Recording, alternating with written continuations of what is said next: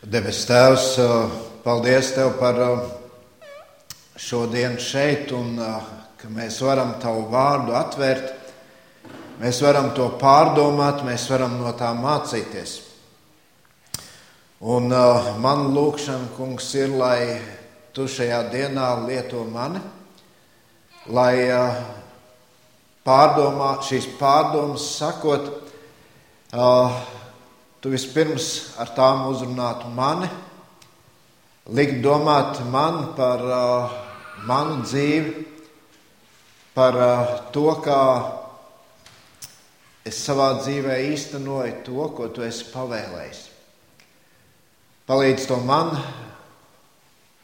paklausot tev, piepildīt, palīdz mums kā draudzēji augt, pilnveidoties un arī rīkoties tā, kā tu māci. Palīdz mums ikvienam. Jēzus vārdā to lūdzam. Āmen. Lūdzu, sēdieties. Un, uh, es gribu teikt paldies uh, jums visiem, kas esat šodien, neskatoties uz šo brīnišķīgo laiku laukā.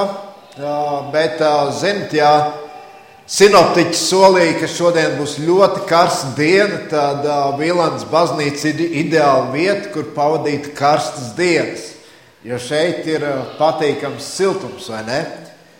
Uh, paldies arī mūziķiem, ar uh, ko kopā šodien var kalpot, un Tomam, kas uh, dievkalpojumu vada.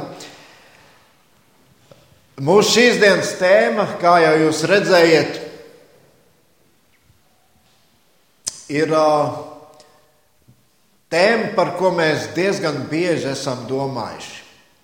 Esiet nomodā un lūdziet Dievu. Un jāsaka, ka uh, katra svētdienas sērija, pie kā mēs esam apstājušies, uh, katrā tajā ir uh, bijusi tēma arī par lūgšanu. Lūkšana ir ļoti svarīga. Un, ja mēs skatāmies kristīgās baznīcas vēsturē un brīžos, kad cilvēki ir modušies, atsaukušies Kristus vēstī, tad mēs redzam, ka vēsture klusē par tām atmodām, kas nebūtu sākušās ar lūkšanu. Lūkšana vienmēr ir bijusi ļoti svarīga.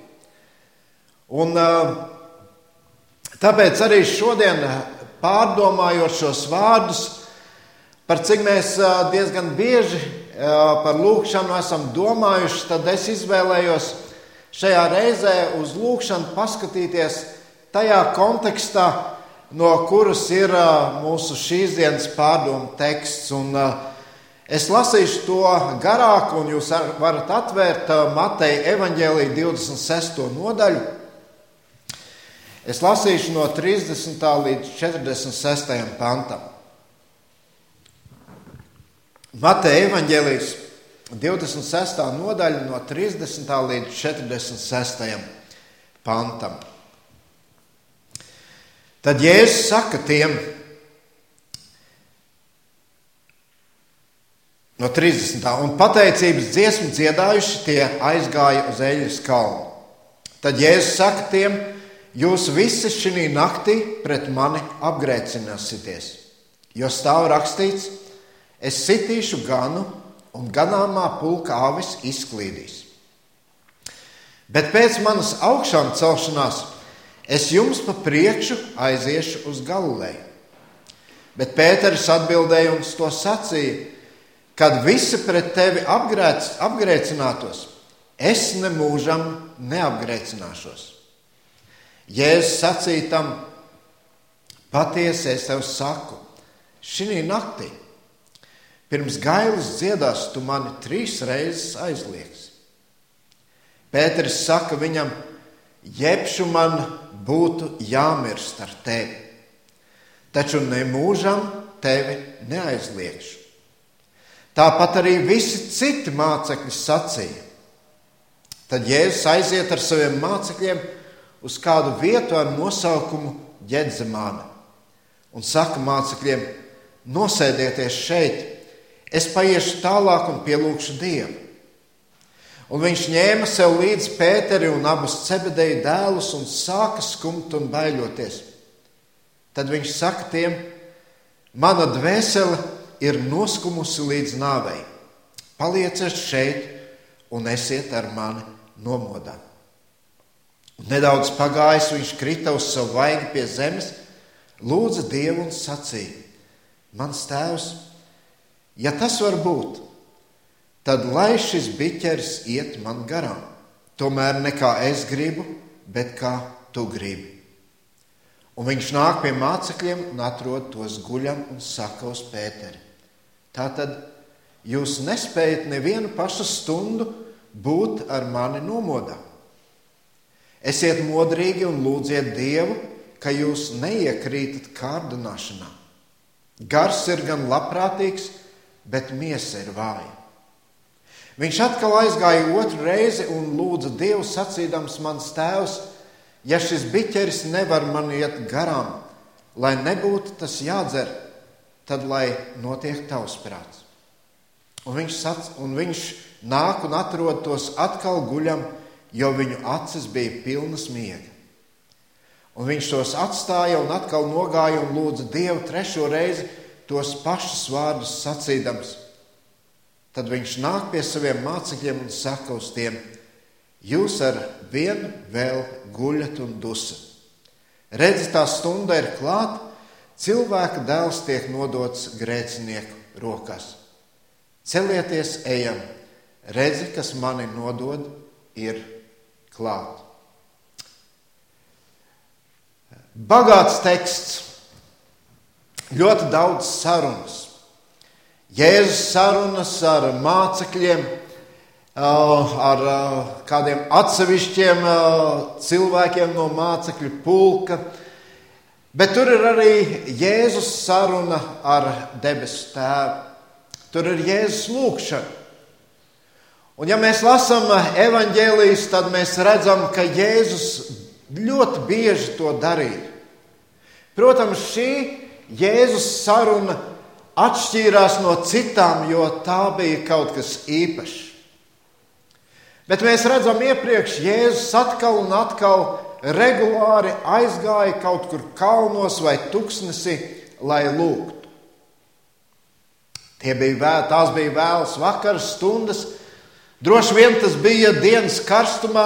Marka evanģēlijas pirmā nodaļa saka, un rīta agrumā, kad vēl bija tumšs, viņš aizgāja laukā un nogāja kādā vientuļā vietā, lūdza Dievu. Lūkšana. Tā tas turpinājās visus trīs ar pus gadus, ko Kristus bija kopā ar saviem mācekļiem. Lūkšana Jēzum bija regulāra lieta, ko viņš praktizēja. Tā bija viņa nepieciešamība. Viņš vienkārši nespēja nelūgt. Tieši tāpat kā mēs ne, nespējam dzīvot bez barības, bez ūdens, jo mūsu fiziskais cilvēks prasa ēst un dzert. Un tieši tāpat Jēzus iekšējais cilvēks, būdams nesaraujami saistīts ar debesu tēvu, nespēja iztikt bez šīs kontaktēšanās ar viņu. Un ja mēs par to domājam, tad mēs varam redzēt, ka tam bija ļoti svarīgs iemesls. Kad Jēzus atnāca uz šo zemi,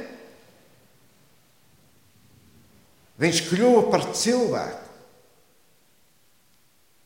Protams, viņš vienmēr bija arī Dievs, Dieva dēls. Un viņš jebkurā momentā varēja iedarbināt savu dievišķo varu, lai sasniegtu to vai citu savā dzīvē. Bet evanģēlijos mēs redzam to, ka Jēzus ļoti apzināti to nedarīja. Visa viņa dzīve uz šīs zemes tika izdzīvota caur debesu tēvu. Un to Jēzus darīja, lai parādītu, kā mums vajag dzīvot. To Jēzus darīja, lai parādītu, ka viņš ir ne tikai Dieva dēls, bet arī cilvēka dēls. Visu, ko viņš varēja darīt pats, Jēzus darīja pakļaujoties un paklausot savam debesu tēvam. Jēzus atteicās no tā, lai visu zinātu tajā brīdī. Viņš atteicās no tā, lai visu pakļautu tajā brīdī. Jēzus pastāvīgi uzticējās savam tēvam. Tik bieži viņš sacīja, es nerunāju no sevis. Kaut gan tie vārdi, ko viņš sacīja, tie bija īpaši vārdi. Vārdi, ko saka pats Dieva dēls. Bet viņš saka, es nerunāju no sevis. Es nedaru, ne savu prātu es daru, bet mana debesu tēva prātu es daru. Īpaši vārdi, kur Jēzus uzsver, Tēvs man ir sūtījis.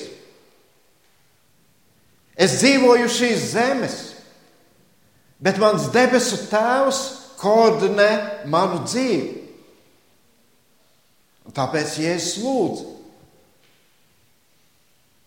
Ideāls piemērs, lai saprastu, kāpēc mums vajag lūgt.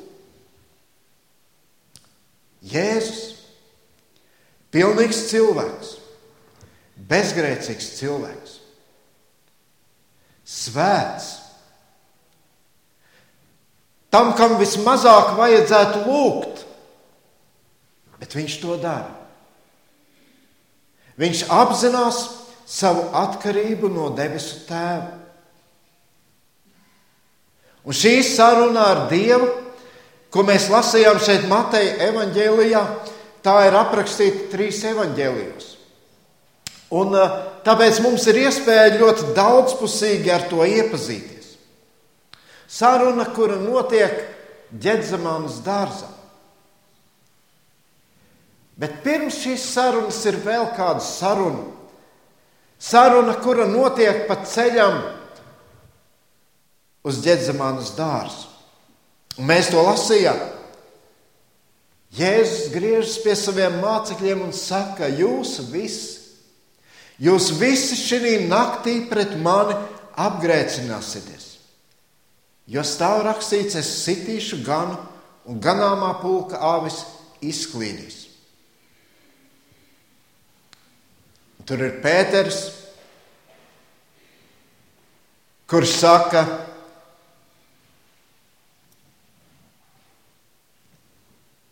kad visi pret tevi apgrēcinātos, es neapgrēcināšos. Interesants saruna. Vēl pirms tam Jēzus raksta, uh, Matejs raksta kādus interesantus vārdus, ka viņi dziedāja. Jēzus arī dziedāja. Un tam bija savs iemesls. Viņi bija tik pārņemti no visa, kas notika apkārt. Tur bija Jēzus ienākšana Jeruzalemē, tur bija šie notikumi, kur ļaudis gavilēja, sauca Ozeānā, dziedāja slavas dziesmas. Un nu viņi uh, ir pasās svētkos, milzīgs pacēlums. Un tur Jēzus saka ļoti garu svētrunu, kurai ir aprakstīta Jāņa evanģēlijā 12., 13., 14. nodaļās. Jēzus runā, es dodos jums vietu sagatavot. Jēzus runā par to, nāks aizstāvs, nāks svētais gars, kas jūs vadīs, kas jūs mācīs atcerēties to, ko es esmu jums sacījis. Un tas viss radīja tādu garīgu pacēlumu. Viņi dzied, viņi slavē Dievu. Un pirms viņa nonāk Gedzemanas dārzā, Jēzus atgriežas pie tā, ko viņš ir sacījis viņu pēdējās kopīgajās vakariņās. Viņš saka, visi mani aizliegs. Šoreiz viņš apstiprina savus vārdus ar citātu no Cakarijas grāmatas, sakot, es sitīšu ganu un avju ganāmais pulks tiks izklidināts. Un tad viņš skaidro, kāpēc tas notiks. Viņš saka, jūs domājat, ka jūs esat uzticīgi. Jūs domājat, ka jūs esat ar mani un es ar jums, bet tikko gans no jums tiks atņemts, jūs aiziesiet katrs uz savu pusi. Kāpēc Jēzus šādā pacēluma brīdī par to runā? Galu galā viņš jau to ir teicis. Jā, pirms neilga laika varbūt uh, mācekļiem šie Jēzus sacītie vārdi nesevišķi patika. Un te viņi atkal dodas kaut kur, un viņi kopīgi dzied, slavē Dievu. Un Jēzus atkal it kā uzber sāli uz viņu rētam. Varbūt tiešām mācekļi to bija aizmirsuši. Varbūt viņi līdz galam nenoticēja Jēzus vārdiem, varbūt domāja, ka tas jau nekad nenotiks. Jēzus saka vēlreiz, tas notiks. Bet interesanti, ka arī sakot šos vārdus, jūs visi apgrēcināsieties. Jūs visi nostāsieties pret mani, atstāsiet mani. Jēzus tomēr saka mācekļiem vēl kaut ko. Viņš saka, lai kā būtu, es no jums sagaidu kādu noteiktu rīcību. Un viņš saka, bet pēc savas augšām celšanās es pirms jums noiešu uz Galileju. Jēzus runā ne tikai par to, ka viņš nomirs. Jēzus runā ne tikai par to, ka viņš augšām celsies, bet cilvēkiem, kuri nostāsies pret viņu, kuri apgrēcināsies. Viņš nosaka viņiem tikšanās vietu. Vēl vairāk viņš saka, es tur būšu pirms jums. Un tad ir šī ļoti emocionālā saruna, kur, kur galvenais runas vīrs ir Pēters. Un viņš saka, Zini, kungs, ja šie visi, kas man te ir blakus, ja viņi tevi aizliegs, uz mani tu vari paļauties. Es nē. Par citiem es nevaru galvot, par sevi es esmu pārliecināts. Viņš ir pat gatavs savu dzīvību atdot par Kristu. Bet Jēzus saka, tu, Pēter, pat nepamanīsi. Tu nepamanīsi, kā vienā brīdī izmainīsies tavs noskaņojums. Ja mēs lasām Lūkas evanģēlijā šo stāstu 22. nodaļā, tad uh, Lūkas pasaka kaut ko vairāk, un uh, tur uh, Jēzus saka, Sīmani, Sīmani, redzi, Sātans gribējis jūs sijāt kā kviešus, bet es esmu lūdzis par tevi, lai tava ticība nemitētos. Un kad tu būsi atgriezies, stiprini savus brāļus. Viņš saka, Pēter, saproti, te ir kaut kas daudz vairāk nekā tavas emocijas. Šis ir brīdis, kad Sātans ir sakoncentrējis visus spēkus lai atņemtu Dieva dēlam iespēju nomirt par visas pasaules grēkiem. Un Jēzus saprot, viņam šī cīņa ir jāizcīna. Jēzus saka, Pēterim, es esmu lūdzis par tevi, lai tava ticība nemitētos. Es esmu lūdzis par tevi, lai tu atrastu spēku Dievā, kurš vienīgais ir spējīgs tevi darīt stipru. Viņš saka, un parūpējies. Parūpējies par to, lai pēc tam, kad tu mani būsi aizliedzis, tu atgrieztos un tu varētu vēl stiprināt citus. Ievērojiet, kā mainās šis noskaņojums, kā mainās šīs emocijas šajā stāstā. Un tur ir tikai šis īsais ceļš no ģedzamānas uz ģedzamānas dārzu un eļas kalnu. Tur ir gan pacēlums, gan izmisums. Tur ir gan neziņa, gan skaidrība. Un tad ir ģedzamāna. Šī Jēzus cīņa, cīņa, lai uzvarētu. Un tur mācekļi ir tam liecinieki. Ziniet, svētie raksti ļoti reti runā par vājumu brīžiem Jēzus dzīvē. Un mēs arī varbūt pat to neievērojam. Mēs visi ievērojam, Jēzus dziedina slimos. Jēzus apklusina vētras, Jēzus paēdina tūkstošus, Jēzus risina dažādas problēmas cilvēku dzīvē.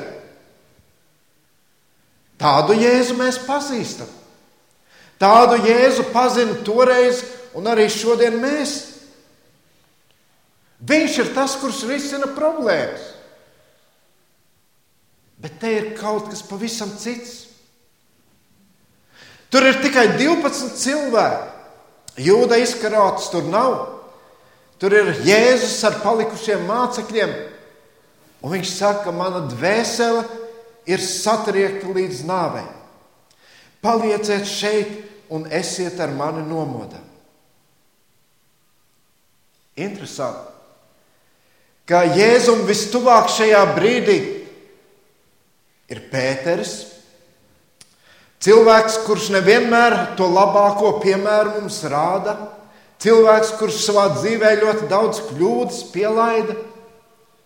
Un tur ir Jānis un Jēkabs, par kuriem mēs zinām, kuri paši varbūt bija diezgan tādi kūtri, un tad tur ir viņa mamma, kur nāk pie Kristus un saka, kungs, šie divi mani zēni Es gribu, lai viņi sēž tev viens pa labo, otrs pa kreiso roku. Un tieši šie cilvēki šajā cīņā ir vistuvāk Jēzu. Tieši viņi ir tie, kuri ierauga Jēzu pavisam savādāku nekā viņi bija pieraduši redzēt. Un Jēzus šobrīd neprasa, lai tie atdotu savu dzīvību par viņu. Tas, ko Jēzus viņiem saka un prasa, ir vienkārši esiet ar mani kopā šajā cīņā. Cīņa, kura man ir jāizcīna. Un arī te Jēzus dara to ne jau sevis dēļ, bet viņš dara to priekš saviem mācekļiem. Viņš parāda, es zinu, ko nozīmē pārdzīvojumi. Es zinu, ko nozīmē iekšējās sāpes. Es zinu, kā, tu, kā cilvēks var justies tad, kad tu esi viens pats. Es zinu, kā cilvēks jūtas tad, kad visi no viņa ir novērsušies. Un Jēzus šeit parāda mūsu cilvēcisko vājumu. Ka neskatoties uz to milzīgo entuziasmu, neskatoties uz dzīves momentiem, kad mēs esam tādā emociju virsotnē, kad mēs esam pilni apņēmības, neskatoties uz Jēzus teikto, lai viņi ir nomodā, viņi tomēr aizmieg. Jā, iespējams. Iespējams, ka viņi bija gatavi aizstāvēt Jēzu, un tas notika vēlāk, kad Jūda izkarots atnāca un nodeva Jēzu tad Pēters bija tas, kurš izvilka zobenu. Varbūt viņi bija gatavi parādīt varonību, bet viņi nebija gatavi uzvarēt savu vājumu. Protams, tur bija smaga nedēļa, daudz dažādu notikumu, daudz dažādas pārdomas viņu galvās. Droši vien pēc notikumiem Jeruzalemē nevienu nakti viņi nevarēja gulēt.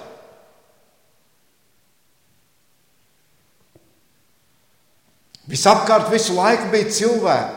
cilvēki. Kaut kur cilvēciski jau mēs viņus varam saprast. Un tos pirmos Jēzus lūgšanas vārdus viņi noteikti dzirdēja. Ja tas tā nebūtu, mēs noteikti tos nezinātu. Bet noteikti Jēzus lūgšana jau nebija tikai šis viens teikums. Šie daži vārdi. Tā noteikti bija gara cīņa. Nevaņģēlists pat apraksta šīs cīņas nianses, ka tur asins sviedra tecēja. Viņš vairāk kārt gāja un lūdza, Šis notikums ar mācekļiem mums māca, ka ar entuziasmu vien nepietiek. Tad, kad tu saproti, ka sekot Jēzum nozīmē iet pa šauru un ērkšķainu ceļu, tad bieži vien mēs kā cilvēki padodamies. tad bieži vien mums vairs nepietiek spēka. Un Jēzus izmanto šo smago priekš sevis brīdi, lai pateiktu mācekļiem vienu svarīgu lietu. Viņš saka, esiet nomodā un lūdziet Dievu, ka neiek, nekrītat kārdināšanā. Vispirms Jēzus aicina mācekļus būt nomodā un lūgt. Un šis grieķu vārds, kas ir lietots šajā tekstā, nozīmē, ka Jēzus aicina būt gataviem kalpot. Un tad Jēzus pieliek klāt, lūdziet Dievu. Man liekas, Jēzus pasaka, lūgt, tā ir lielākā kalpošanas izpausme. Un tālāk sakot, ka nekrītat kārdināšanā, Jēzus uzsver, ka jūsu garīgā dzīve būs turpmāk tāda nepārtraukta cīņa. Cīņa pret sātanu, kurš darīs visu, lai izšaubītu jūsu ticību. Mīļie draugi, tad, kad mēs runājam par mūsu attieksmi pret Kristu, tad tur neiet runa par mūsu slinkumu vai par to, ka mums gribas vai negribas. Nē, tur vienmēr iet runa par šo cīņu pret kārdinājumu. Mēs varam krist, un mēs varam uzvarēt. Un Jēzus tāpēc brīdina un saka, esiet nomodā un lūdziet Dievu, ka nekrītat kārdinājumā. Jēzus šīs divas lietas saliek kopā, esiet nomodā un lūdziet Dievu. Un tas ir ļoti svarīgi. Viņš saka, bez šīm lietām tu zaudēsi. Nelūdzot, mēs esam un paliekam vāji. Jo saviem spēkiem šos kārdinājumus neuzveikt. Lai kā mēs arī censtos sevi no, eh, noskaņot, lai kā mēs censtos savas emocijas pacelt. Ak, cik daudz cilvēku skatījumā stipri dievu vīri un sievas ir krituši dažādos kārdinājumos. Un Sātans izmanto dažādas ieročus, lai atrastu mūsu vājās vietas. Bet mēs ievadā lasījām, kur Dieva vārds saka, bruņojies ar Dieva ieročiem. Un starp šiem dieva ieročiem tur bija minēta arī lūkšana, aizlūkšana. Praktizē to. Tā tev noderēs arī tad, kad tu daudz ko vairs nespēsi.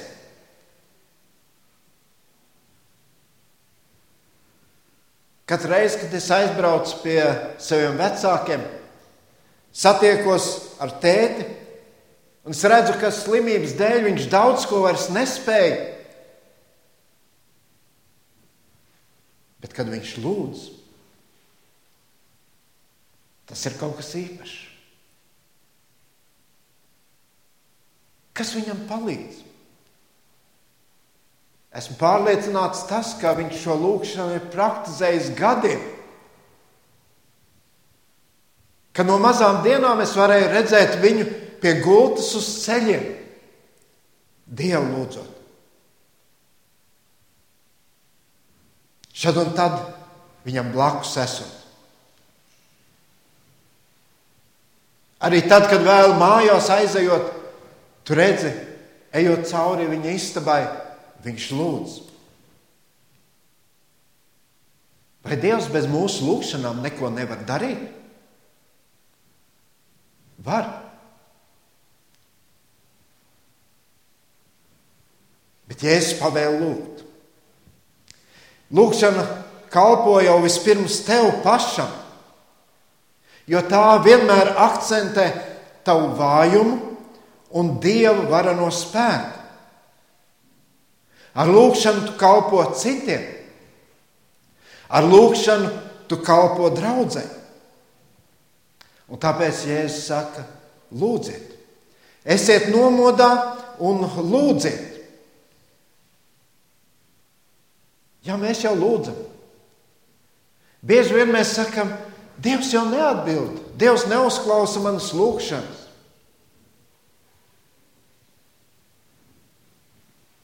Šajā rītā izlasīja kādu cilvēku vārdus, kurš teica tā, nesaka, ka Dievs klusē, ja tava bībele ir aizvērta.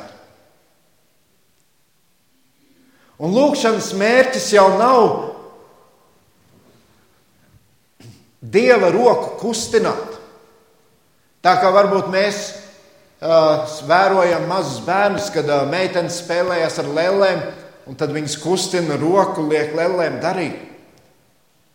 Nē, lūkšana ir dieva roku turēt.